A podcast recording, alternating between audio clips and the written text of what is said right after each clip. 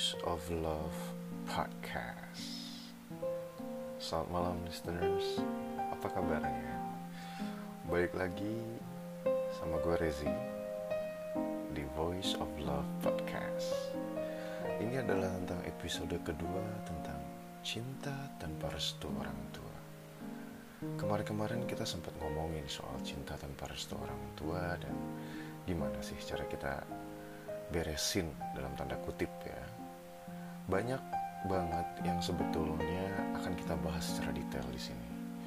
Cuman mungkin malam ini sebelum kita mulai mungkin ada baiknya buat teman-teman yang udah dengar dan mungkin bisa sharing pengalaman tentang apa sih yang pernah kalian rasain khususnya tentang cinta kasih kalian terhadap pasangan kalian yang mungkin terbentur dalam kondisi tidak disetujui oleh keluarga atau orang tua khususnya. So, sebelum kita mulai untuk episode kedua, kita dengar dulu salah satu lagu romantik alias romantis yang mungkin bisa nemenin kalian di malam yang cerah ini. Salam dari Bandung. Enjoy.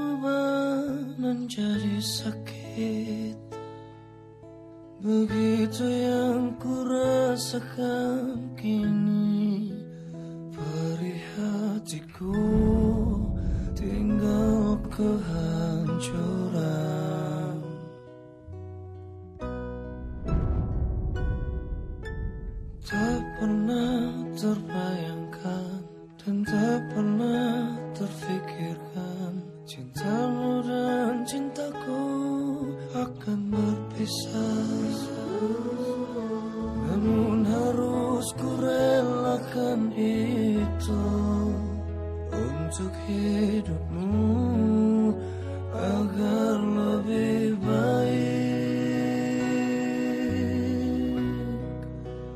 Maafkan aku setulus hatimu. Kepergian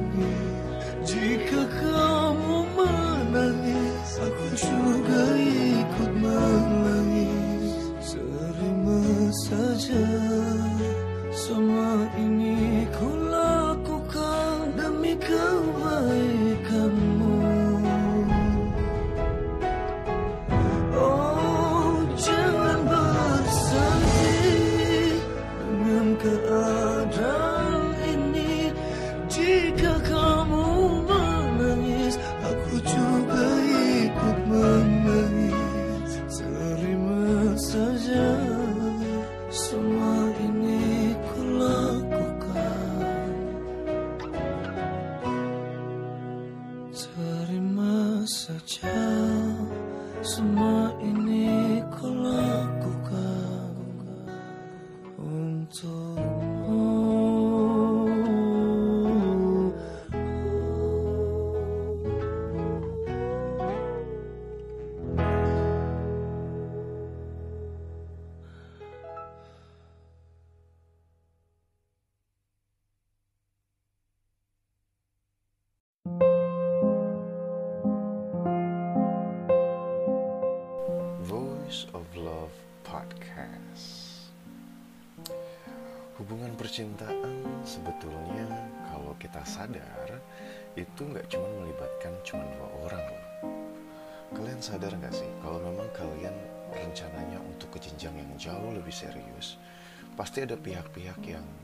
secara tidak langsung akan terlibat di dalamnya, termasuk orang tua juga. Jadi kalau misalkan kamu bilang restu mereka itu salah satu kunci kelanggengan hubungan kalian, ya bisa dibilang kunci utamanya justru dari orang tua. Kalau misalkan kalian pacaran atau berhubungan tanpa restu orang tua, mungkin kamu sama pasangan kamu akan nemuin banyak banget cobaan dan hambatan, terutama dari keluarga besarnya. So, apa aja sih kira-kira resiko yang kalau kita jalin hubungan dengan pasangan kita itu yang akan kita terima resikonya seperti apa sih? Gue coba untuk merangkum sekitar kurang lebih tujuh resiko yang mungkin akan kita dapetin kalau kita tetap maksain hubungan restu. Oke? Nah, resiko pertama sadar atau nggak sadar, orang tua itu akan selalu bersikap ketus. Nah, namanya juga nggak direstuin kan. Kemungkinan besar orang tua kamu bakal bersikap nggak welcome lah sama pacar kamu. Contoh, dia lagi main ke rumah kamu, eh, terus boro-boro menemuin. Yang ada justru nutup pintu, dikunciin, atau malah kamu nggak boleh ketemu sama mereka? Sama mantan kamu atau sama pacar kamu. Jadi bener-bener gak welcome sama sekali loh sama pasangan kamu. Malah yang parah sih sampai ada yang ngusir sampai bobo golok loh. It happens in real life.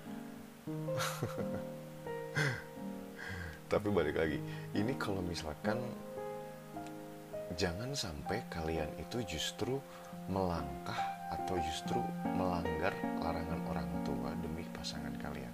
Bukannya gue untuk eh, apa ya mendukung orang tua kalian untuk putus hubungan sama pasangan kalian yang kalian udah sayang mungkin kalian udah nyaman. No tapi kalian coba berpikir lebih relevan lagi. Seandainya kalau misalnya tindakan orang tua kamu yang mungkin secara tidak langsung menyakiti hati dari pasangan kamu. Terus tiba-tiba dia jadi emosi terus ngerasa nggak dihargain terus dia malah ngamuk-ngamuk nggak jelas. Banyak kejadian-kejadian yang justru kalau kita runut itu banyak kejadian seperti ini awalnya. Awalnya sudah tidak disetujuin eh terus dia maksa akhirnya nekat. Well coba kamu beri pengertian sama orang tua kamu. Coba kamu juga kasih pengertian sama pasangan kamu untuk sabar ingat ya mungkin butuh waktu untuk melelehkan hati orang tua kamu. Ya tugas kamu itu merayu loh. Merayu orang tua kamu terus kamu juga beri penjelasan sama orang tua biar dia bisa terima hubungan kalian. Kalau as a logical thinking ya orang tua itu tidak setuju pasti there's something oke sebelum kalian ujuk-ujuk mengambil sebuah keputusan bahwa enggak pasangan aku tuh the best pasangan aku tuh ini pasangan aku itu. But honestly there's a fact yang sebetulnya kalau kalian berpikir secara logis ada alasan dibalik kenapa orang tua tidak setuju. That's your job untuk dapetin apa sih sebetulnya em, masalah yang orang tua kamu atau alasan orang tua kamu nggak terima dia sebagai pasangan kamu. Oke, itu resiko pertama. And then resiko yang kedua, keluarga besar itu biasanya akan ngucilin. Percaya nggak percaya? Mungkin karena kepengaruh ya sama orang tua inti kamu ya, sama orang tua ayah kamu, papa kamu, mama kamu, atau ibu kamu. Keluarga besar kamu pun akhirnya kemungkinan besar akan ngucilin pasangan kamu.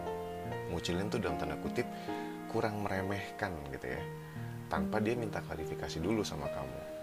Jadi mereka tuh ikut-ikutan musuhin pacar dan beranggapan bahwa dia tuh nggak pantas buat kamu karena mungkin ya ada kompor mengkompor lah gitu istilahnya kalau kata-kata zaman sekarang tuh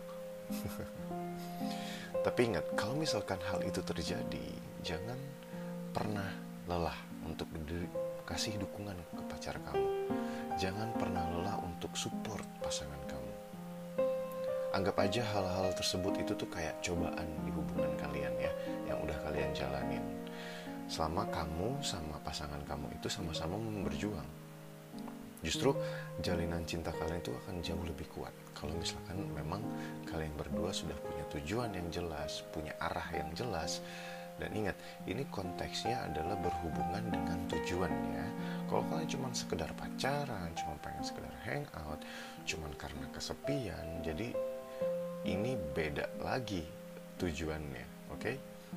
tapi di sini uh, gue ambil adalah benang merah ketika kalian pacaran kalian sudah tahu tujuan kalian pacaran mau ke arah mana gitu ya. Jadi tujuannya sudah jelas. Resiko yang ketiga dan hubungan antar orang tua kalian antara orang tua kamu sama orang tua pacar kamu pun otomatis nggak akan pernah harmonis. Contoh misalnya gini.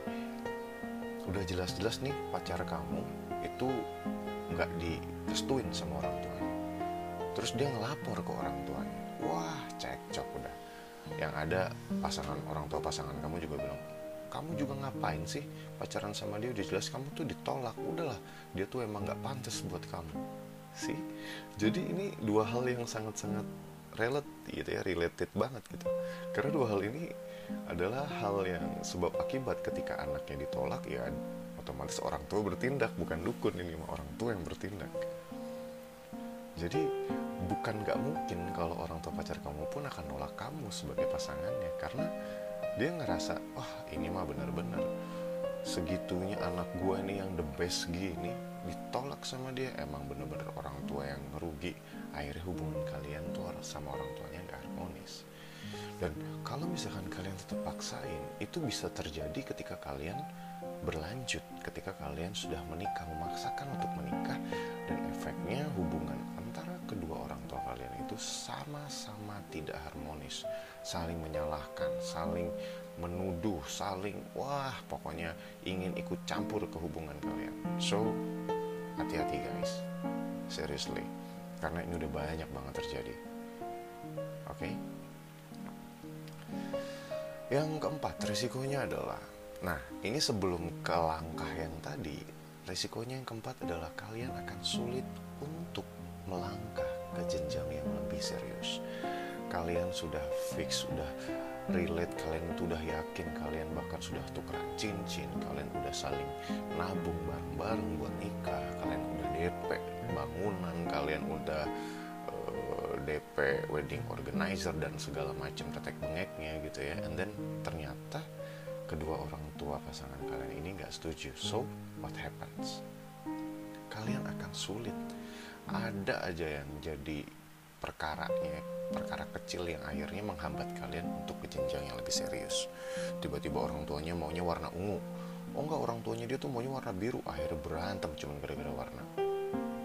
Ya ingat karena restu mereka adalah salah satu syarat kalau kalian mau menjalankan rumah tangga.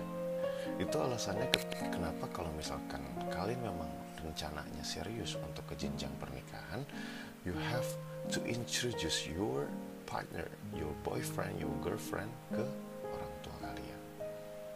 Untuk cari tahu untuk uh, kenalin deh pasanganku. Mah ini pasangan saya.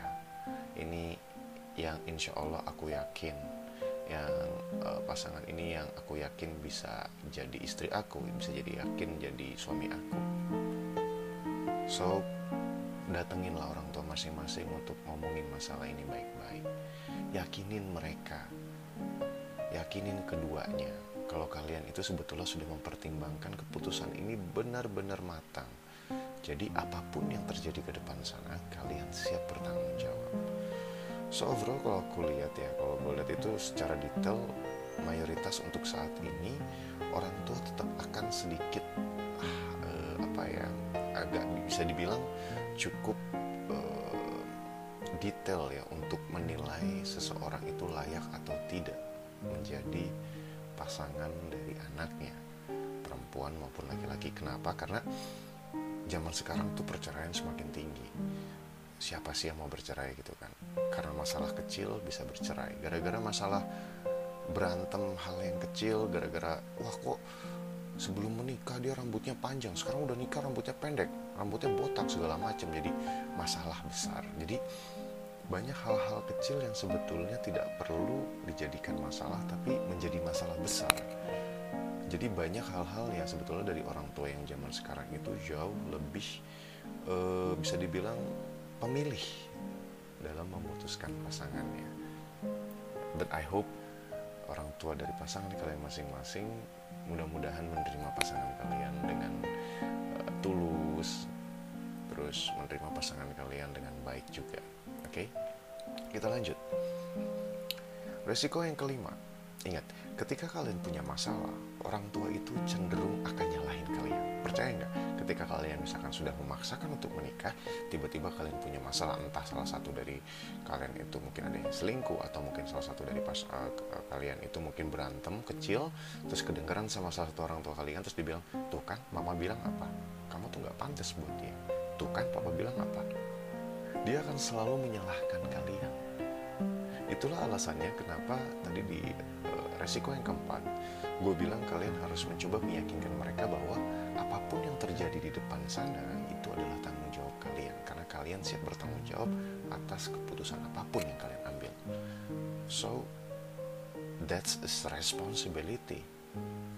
Pasangan kalian atau kalian sebagai laki-laki khususnya dan kalian sebagai perempuan juga mau dipertanggungjawabkan oleh pasangan kalian laki-laki dan sebagai laki-laki kalian juga harus bisa mempertanggungjawabkan keputusan kalian. So it's not like kalian pilih karena kalian suka as a, makanya banyak banget di podcast gue gue bahas banyak orang jatuh cinta karena fisik karena harta and then honestly itu tidak akan pernah berakhir dengan baik. Kalau kalian hanya mencari dua hal itu itu akan membuat kalian stuck dan itu akan membuat kalian hancur pada akhirnya is a fact is matter of fact. Jadi carilah pasangan yang sebetulnya secara uh, apa ya, secara secara nggak cuman fisik sih. Kalian mencari pasangan yang secara frekuensi itu masuk. Kalian enak ngobrolnya dan ingat, kalau kalian memang mencari pasangan seumur hidup, anggaplah bahwa dia akan nemenin kalian seumur hidup So gimana?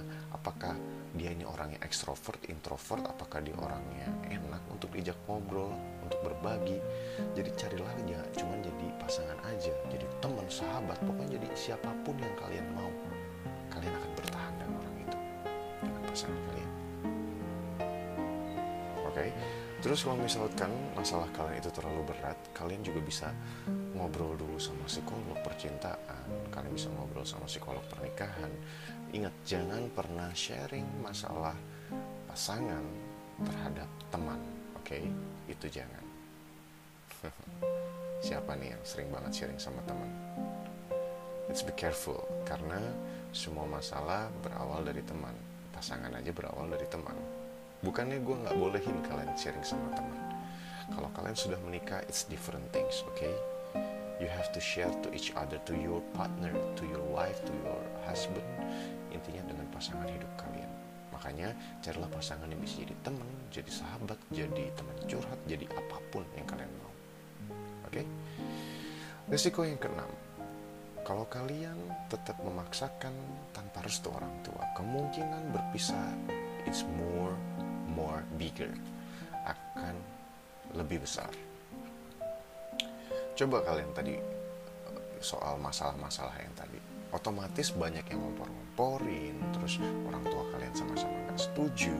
Ada masalah dikit kalian berantem dikomporin. Tuh kan mama bilang apa papa bilang apa. Wah panjang urusannya. And then resiko perceraian pun atau perpisahan pun benar-benar terjadi apalagi kalau kondisi itu disupport oleh orang tua kalian masing-masing untuk ya udahlah kalian bisa aja ngapain sih bertahan sama orang kayak gitu? Masih banyak laki-laki di luar sana masih banyak perempuan di luar sana. Kalian mau bilang apa? Kalian gak bisa bertahan kalian justru malah hancur dibuatnya. Ingat kita harus mendewasakan diri untuk menghadapi setiap masalah yang akan datang batasi dulu campur tangan pihak lain dalam rumah tangga kalian. Kalau kalian bisa bersikap netral, bicaralah sama pasangan kalian dari hati ke hati. Jadi kalian bisa nyari solusi. Pasangan bukan cuma sekedar teman sharing, teman curhat. Kalian juga harus bisa cari solusi dengan pasangan kalian masing-masing. Resiko yang terakhir yang ketujuh, seandainya kalian tetap menikah tanpa restu orang tua, ini juga akan berdampak kalau misalkan kalian sudah punya anak. Mungkin kalian tidak berpikir sejauh ini, but you know what? Kalau misalkan orang tua kalian itu tidak setuju dan orang tua pasangan kalian juga nggak setuju, itu juga akan berpengaruh dan punya dampak yang sama anak-anak kalian. Bisa aja orang tua kalian tuh bersikapnya udah nggak baik sama anak-anak kalian atau cucu-cucunya. Nggak adil lah nggak sayang dikit-dikit dimarahin dan sebagainya. Nah kalau misalkan anak-anak itu terjadi dan anak-anak itu diperlakukan nggak baik coba pelan-pelan tegurlah kakek neneknya. Jelasin sama mereka kalau anak kalian masalah kalian di masa lalu. Dan bilang sama mereka bahwa please sayangin mereka tanpa harus beda-bedain. Itu kalau terjadi. But honestly mostly ya kalau misalkan sudah punya cucu sih biasanya kakek nenek itu seneng sih biasanya. But in fact ya ada beberapa pasangan yang pernah gue temuin juga ketika mereka sudah punya anak tanpa restu orang tua efeknya sangat-sangat negatif sih. Malah anaknya diperlakuannya benar-benar aduh ya bisa dibilang sama sekali tidak manusiawi. So I hope semua yang dengar ini dan mungkin semua yang pernah dengar ceritanya nggak pernah ngerasain hal-hal yang udah gue sebutin di atas. Dan I'm very very uh, hoping banget ya. Gue berharap banget semua yang dengar itu direstuin sama orang masing-masing pasangannya masing-masing. Kalian fine kalian juga uh, bisa dapetin pasangan kalian sesuai dengan apa yang kalian mau. Dan juga kalian uh, direstuin sama orang tuanya masing-masing dan mungkin dalam waktu dekat ini kalian bisa menikah. Doa itu adalah doa yang baik oke? Okay? so stay tune terus jangan ke mana-mana kita akan bahas untuk next session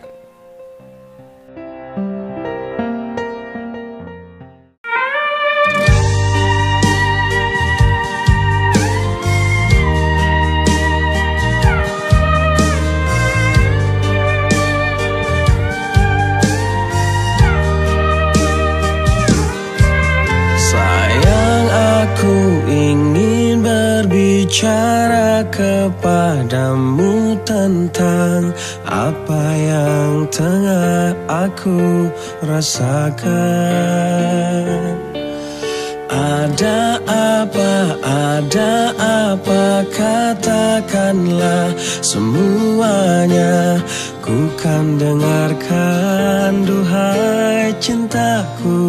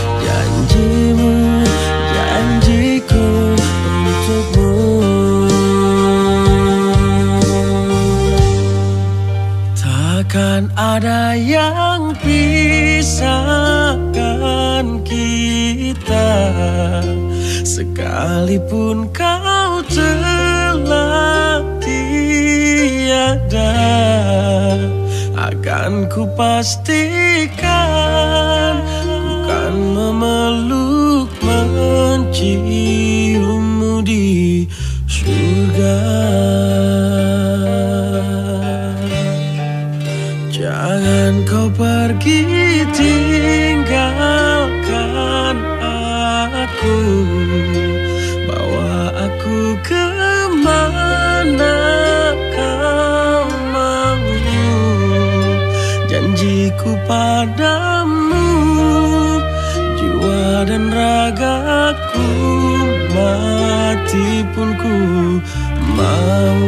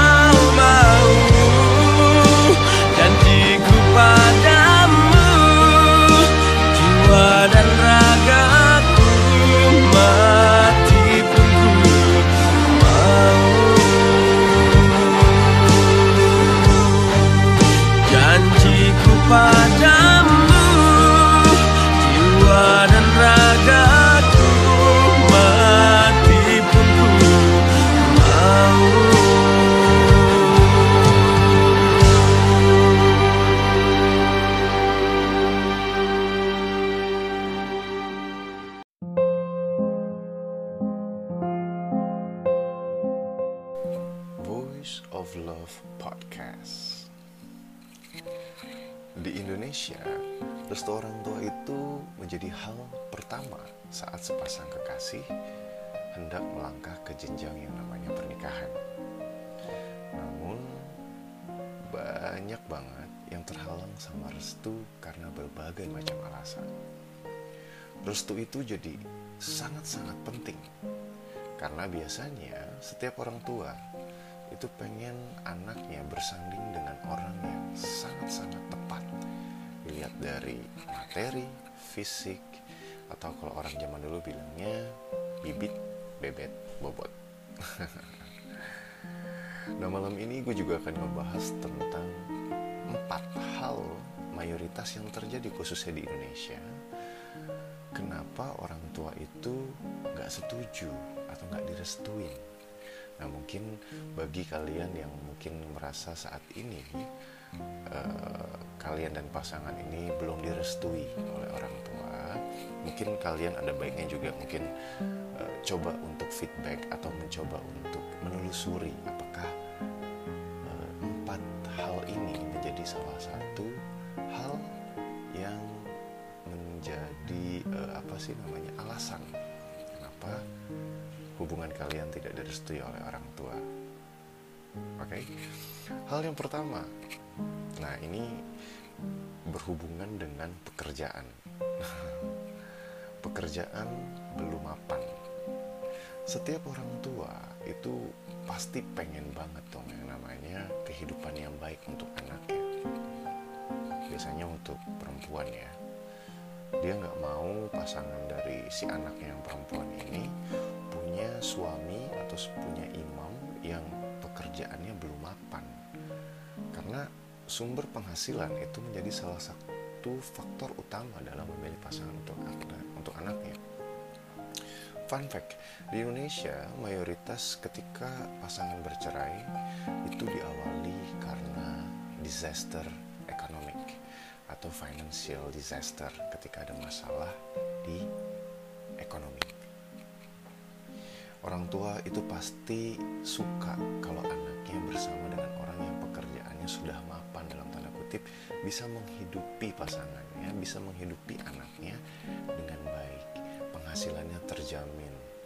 Jadi ini bukan bukan karena dia harus melihat bahwa uh, anaknya berpasangan dengan orang yang harusnya direktur, kekayaan yang luar biasa, sultan, enggak.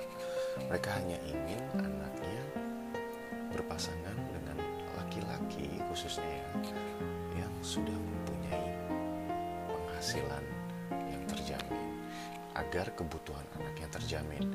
Ingat kuatnya dulu, orang tua dari perempuan itu merawat anaknya dari kecil sampai dia besar. Lalu dia ketika sudah besar menikah dengan orang yang cuma dikasih makan cinta. Cinta itu nggak bisa dimakan, wahai brother. Oke, okay? biasanya karena pekerjaan belum mapan. Buat uh, teman-teman yang lainnya, teman-teman laki-laki khususnya, mungkin pekerjaannya belum mapan. Jangan pernah nyerah. Sebelum kalian menghalalkan pasangan kalian, coba cari pekerjaan yang bisa membuat kalian uh, menjamin, bisa menjamin dan meyakinkan orang tua agar direstuin sama pasangannya, sama orang tuanya khususnya ya. Oke, okay? bukan perkara kalian harus jadi direktur dulu lamaan nanti keburu diambil sama orang. Jadi ketika kalian sudah punya pekerjaan yang menjamin kehidupan anaknya, tidak pekerjaan, nggak selalu pekerjaan, mungkin kalian punya usaha atau bisnis, tapi yang fix ya, jangan nipu, jangan rampok. Itu mah nggak ada fix fixnya, yang ada kalian di Uber pakai golok, oke? Okay? Itu adalah alasan pertama kenapa biasanya orang tua tidak setuju dengan pasangan anaknya. Hal yang kedua, ini sangat-sangat klise dan salah satu hal yang paling sering mendasari kenapa cinta itu tidak direstui. Perbedaan agama. Selain penghasilan, agama juga menjadi pertimbangan yang sangat penting dalam memberi restu. Sebagian besar orang tua itu nggak akan ngizinin anaknya berhubungan dengan orang yang berbeda keyakinannya. Hal ini menjadi tembok penghalang bagi pasangan yang berbeda keyakinan. Kenapa? Karena agama ini dinilai menjadi hal yang sangat mendasar dalam menjalani kehidupan. Kalau misalkan terjadi perbedaan, dikhawatirkan akan terjadi masalah ketika menjalani kehidupan rumah tangga di kemudian hari mungkin banyak juga di luar sana yang mungkin mereka menikah dengan berbeda agama yang khususnya mungkin nggak mungkin dilakukan di Indonesia ya. Karena Indonesia itu kan mayoritas tidak bisa kita nggak bisa menerima perbedaan agama untuk menikah. Dia bisa menikah di luar negeri dan berbeda agama. Dan akan terjadi uh, apa ya bisa dibilang kebingungan untuk anaknya. Justru gue juga punya beberapa teman yang dia menikah beda agama dan anaknya dibebaskan untuk memilih agamanya. Bahkan orang tuanya beda agama, anaknya pun beda agama dan orang tuanya ada yang seperti itu. But in fact, khususnya di Indonesia perbedaan agama ini menjadi hal atau uh, landasan kenapa orang tua tidak merestui hubungan pasangan. Oke. Okay? Hal yang ketiga, perilaku tidak baik. Setiap orang tua tentu pengen kalau anaknya mendapatkan pasangan yang baik, benar kan? Orang tua itu nggak akan mungkin ngerestuin anaknya menjalin hubungan dengan orang yang kelakuan atau perilakunya buruk.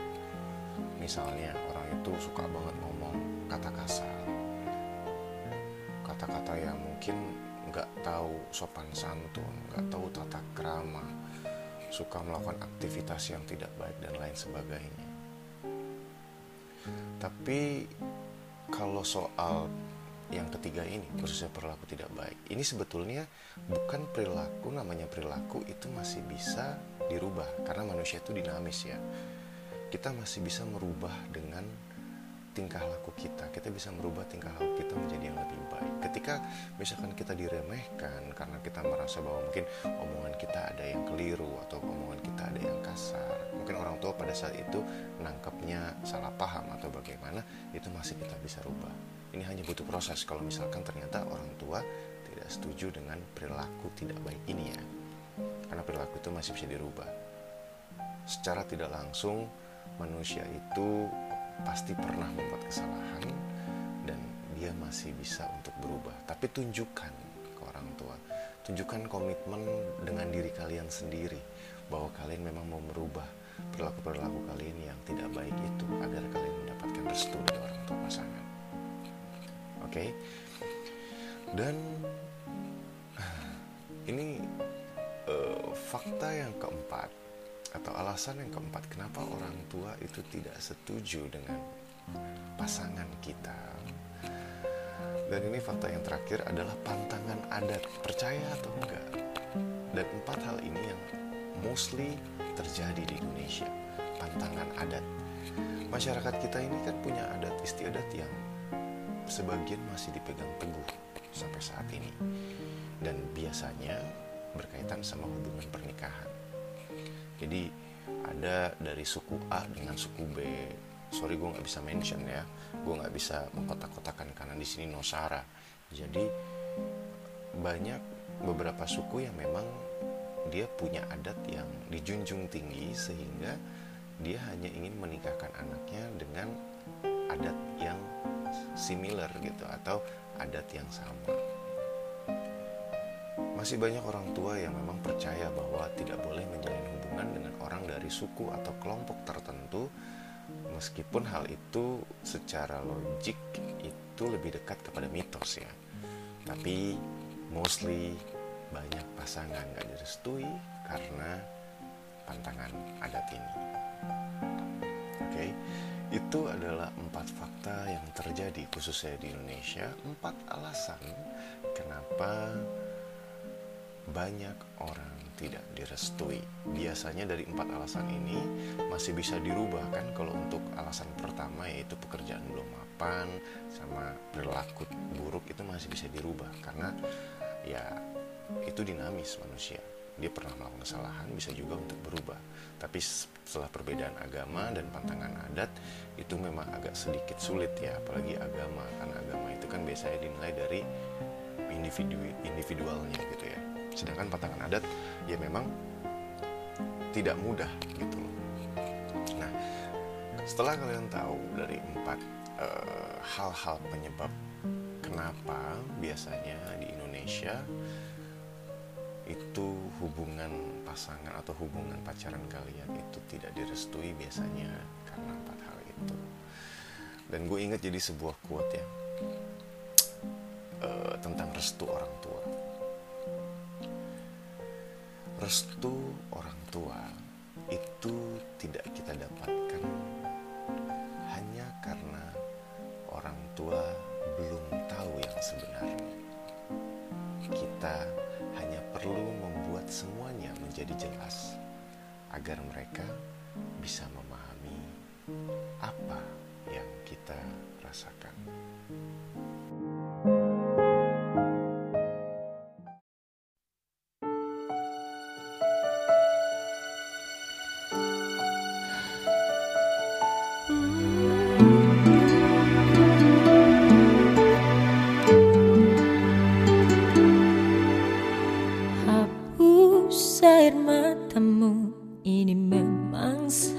Seharusnya terjadi. Kita takkan bisa meneruskan ini.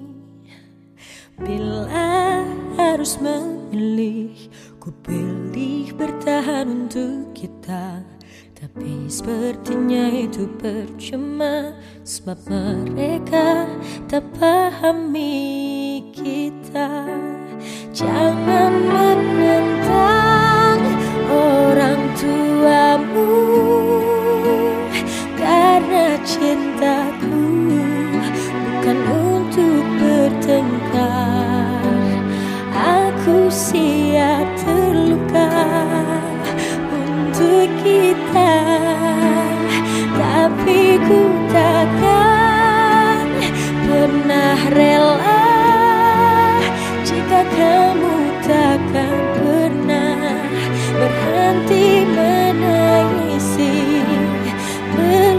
Belajarlah untuk mencoba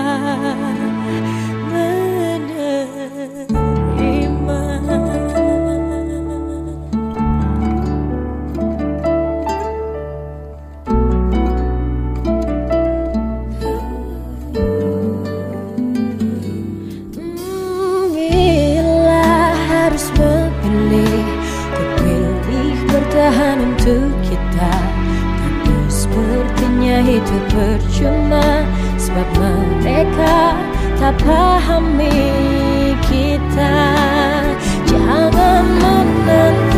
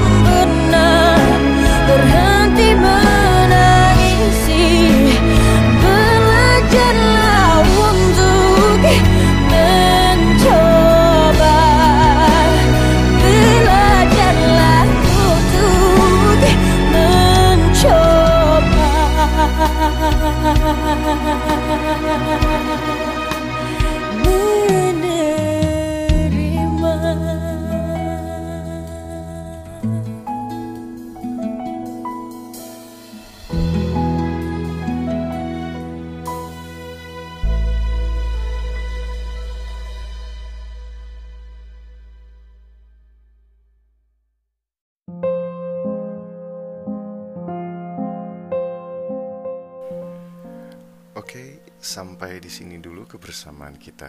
Maaf kalau ada salah-salah kata. Terima kasih untuk kebersamaan kalian. Saatnya gue Rezi pamit. Stay tune terus di Voice of Love Podcast untuk episode-episode cinta selanjutnya. Selamat malam. Have a nice dreams.